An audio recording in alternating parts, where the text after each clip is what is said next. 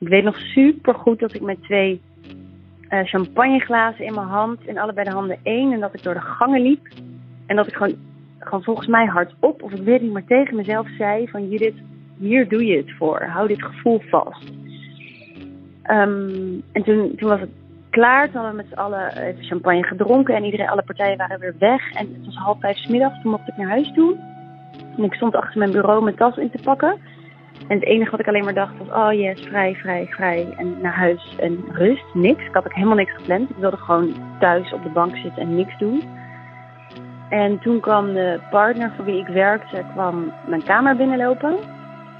En um, vrij euforisch, maar ik dacht dus dat dat nog kwam vanwege die closing. Dus hij zei Judith gefeliciteerd. Dus toen dacht ik, ja, ja, jij ook.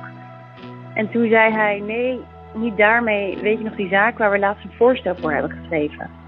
Dus ik keek hem aan. Ik zei, ja, dat weet ik nog. En toen zei hij, we hebben hem binnengehaald. We kunnen meteen weer door. Ga zitten. En toen snapte er iets in mijn hoofd. Toen is er iets geknapt. Ik wilde niet meteen meer door. Ik kon niet meer. Ik schrok zo van dat hij dat zei. Toen moest ik heel hard huilen. Ik ben ook op de grond gevallen of gaan zitten. Ik weet nog dat ik zei dat door mijn rug ging.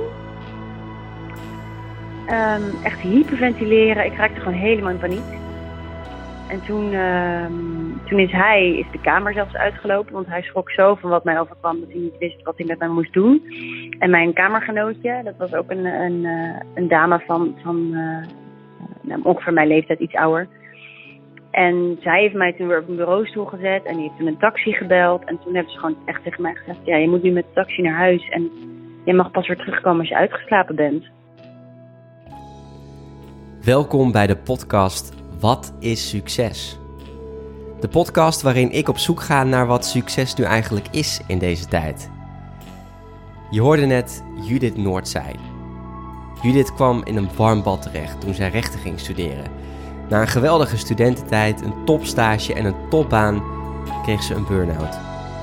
Een burn-out op 27-jarige leeftijd. En tijdens haar herstel ontdekte Judith beetje bij beetje wie zij is en wat haar gelukkig maakt. Ze beschrijft dit proces in haar boek Ik was advocaat. Nu ben ik mezelf. In de podcast Wat is succes ga ik op zoek naar mensen die in hun leven een andere definitie hebben gekregen van succes. En wat triggerde die verandering? Voor mij was dat een boek, voor Judith een burn-out. Ik vroeg haar wat ze nu tegen haar pre-burn-out zelf zou zeggen. Oh, dan zou ik echt zeggen: Oh, meisje, trek je niet zoveel aan van wat anderen mogelijk van je vinden. Want dat was wel mijn grootste, grootste uitdaging. En ik vroeg haar natuurlijk naar haar definitie van succes. Dat je eigenlijk je leven zodanig kunt inrichten dat je kunt doen wat je leuk vindt om te doen en dat je ook uh, daarvan kunt leven. Qua werk vind ik wel dat je in de basis je werk leuk moet vinden. Ik wil niet zeggen dat je per se je droombaan moet hebben. Kijk, als jij, uh, als jij werk hebt wat je, wat je leuk vindt om te doen en daarnaast uh, alle tijd overhoudt voor je passie. Ik denk dat je dan dus ook succesvol bent. Mm -hmm. Maar um, ik denk wel dat je zodanig moet, moet kunnen zien dat je inderdaad ja, dat je gewoon doet wat je leuk vindt om te doen. En dat je daar je leven omheen kunt richten en dat je daarvan kunt leven. Die, definitie uh, die je nu hebt, zeg maar, is die veranderd naarmate de jaren, ja, naarmate je ouder werd? Ja, die is absoluut veranderd, ja. Want eerst dacht ik gewoon dat je, uh, eerst vond ik zelf ook dat je succesvol was als je bij een vooraanstaand uh, advocaatkantoor of bij een mooie multinational bij een bank werkte. Iets wat op je cv misschien heel mooi staat. Die mensen vond ik succesvol. Um, dan had je mensen in je klas of zo van wie ouders heel rijk waren. En dan werd er dus gezegd, ja, die, die zijn heel succesvol. Dus misschien dat je dan gaat denken, ik denk dat ik dat zelf ook wel dacht, dat je succesvol bent als je rijk bent. Mm -hmm. En toen ging ik studeren. En in mijn studententijd, en dat heeft er vast ook aan bijgedragen dat ik dan, ik was lid van het uh, studentenkoor. En dan kom je opeens een beetje in een wereldje waarin iedereen ja, zijn best doet om qua baan meteen het hoogst haalbare eigenlijk te halen, zodat je een hele mooie carrière in het verschiet hebt. En eigenlijk was ik gewoon met alle mensen om me heen, was ik voor het zorgen dat mijn cv er zodanig uitzag dat ik aangenomen kon worden bij een mooi advocatenkantoor, zodat ik heel succesvol kon, gaan worden. Dat is dan een beetje de definitie die, die ik ben gaan vormen op dat moment. En bij een mooi, uh, en, en, en, en mooi ja, bij, bij een bekend bedrijf werkt, zoiets. Want dat zie ik nog steeds zoveel mensen gebeuren. Dat als je gewoon, als mensen vragen waar werk je en dan noem je de naam van een bedrijf, dat mensen zeggen, oh wat mooi. Dan denk ik, hé, alleen maar de naam van een bedrijf maakt dus dat iemand jouw baan mooi vindt. Ja, ja. En je had, je had het in het begin over uh, ja, doen wat je leuk vindt. Uh, en zeg maar, als je dat voor jezelf zou moeten omschrijven van nou, dat, dat, dat vind ik leuk of daar haal ik voldoening uit, hoe zou je dat omschrijven? Nou, wat het punt is en wat ik nu eigenlijk het allerleukste aan het werk wat ik nu doe, is dat, het, dat ik heel veel verschillende dingen doe. En ik merk wel eens in interviews dat mensen dat dan lastig vinden. Die zeggen, ja, wat doe je nou eigenlijk? Want je spreekt, je schrijft, je vlogt. Uh, ik ben heel actief op social media. En ik denk juist mhm. dat ik die combinatie het allerleukst vind. Ik had er heel veel energie uit dat ik maandag, afgelopen maandag bijvoorbeeld, gaf ik een, een presentatie bij Vodafone Ziggo bij een of ander event. Uh, dinsdag host ik vanuit mijn influencerrol host ik een event voor een huidproductenmerk. Um, vandaag zit ik gewoon weer op kantoor um, mijn, mijn, social media post in te plannen. En op die manier, door de afwisseling en doordat ik helemaal mijn eigen agenda zelf beheer, dat vind ik het allerfijnste en het allerleukst. En mijn missie uiteindelijk is, en dat is mijn doel, om zoveel mogelijk mensen te inspireren om ook ja, voor zichzelf te kiezen en goed voor zichzelf te zorgen. Dus ik vind het leuk dat ik nu op verschillende manieren aan die missie kan werken. Hier moest ik meteen denken aan het boek So Good They Can't Ignore You van Kel Newport, waarin hij de drie dingen beschrijft die werk tof maken: creativiteit, controle en impact. Tijdens haar burn-out maakt Judith een lijstje. Een lijstje met de dingen die ze wil in de toekomst. De dingen die haar gelukkig maken. Oké, ik, weet, ik weet dat ik dit niet meer wil. Ik wil niet meer de advocatuur in. En ik wist eigenlijk niet wat ik dan wel wilde. Maar ik wist één ding wel. En dat was, ik wil gewoon e-, even iets, gewoon iets doen wat ik, wat ik leuk vind. En waar ik gewoon energie van krijg. En het maakt me eigenlijk niet uit of het mijn droombaan is of niet.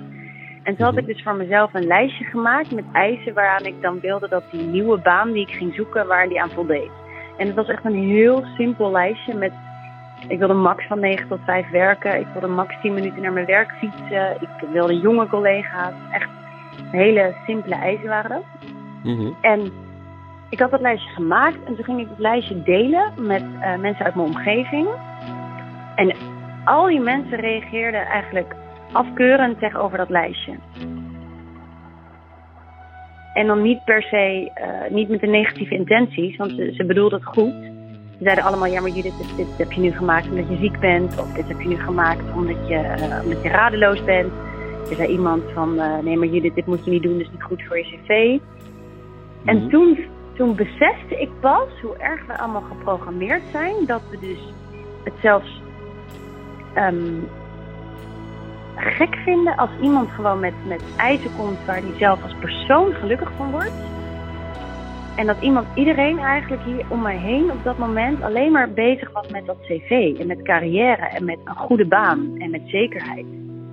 Hmm. En het was voor mij een heel memorabel moment dat ik toen in één week deelde ik met drie, drie, vier mensen dat lijstje. En allemaal zeiden ze van nee, dat moet je niet doen. Dat ik dacht, hè?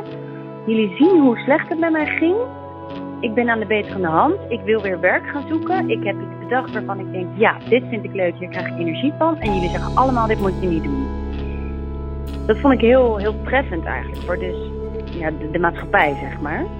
Ja. Um, ik moest hier meteen denken aan angst voor kritiek. Die angst die ik ook had in Brazilië toen ik dacht, als ik in Nederland terugkom, dan wil ik de grootste veranderingen gaan maken.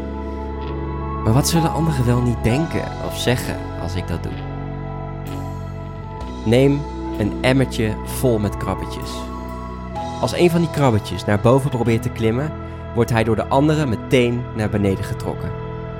Mensen zijn precies hetzelfde.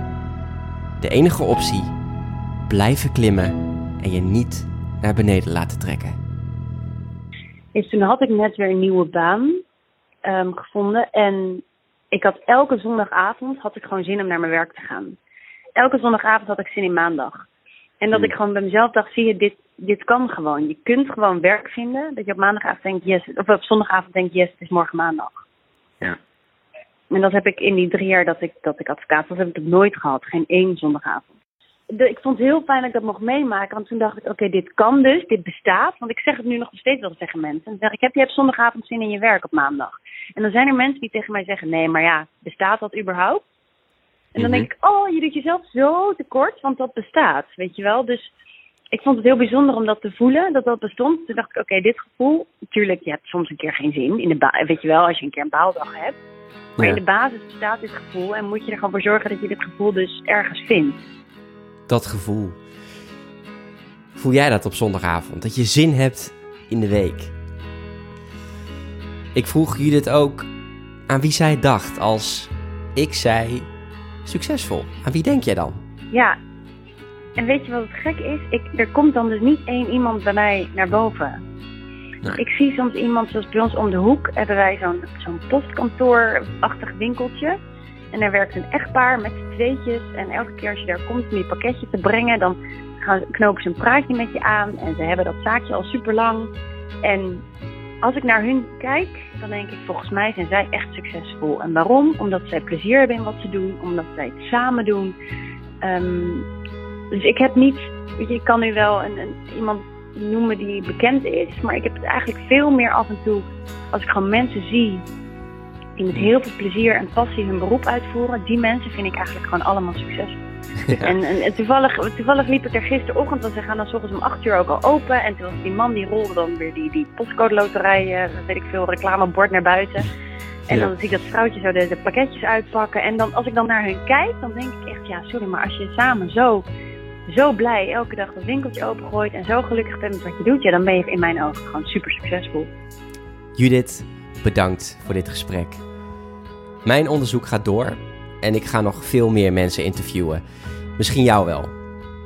Laat me weten of jouw definitie van succes is veranderd door te gaan naar growthinkers.nl/slash survey. Daar vraag ik ook aan je aan wie jij denkt als ik zeg succesvol. Het leuke is dat ik Judith heb ontdekt omdat zij bij een paar mensen naar voren kwam. Bedankt voor het luisteren en tot de volgende aflevering van Wat is succes?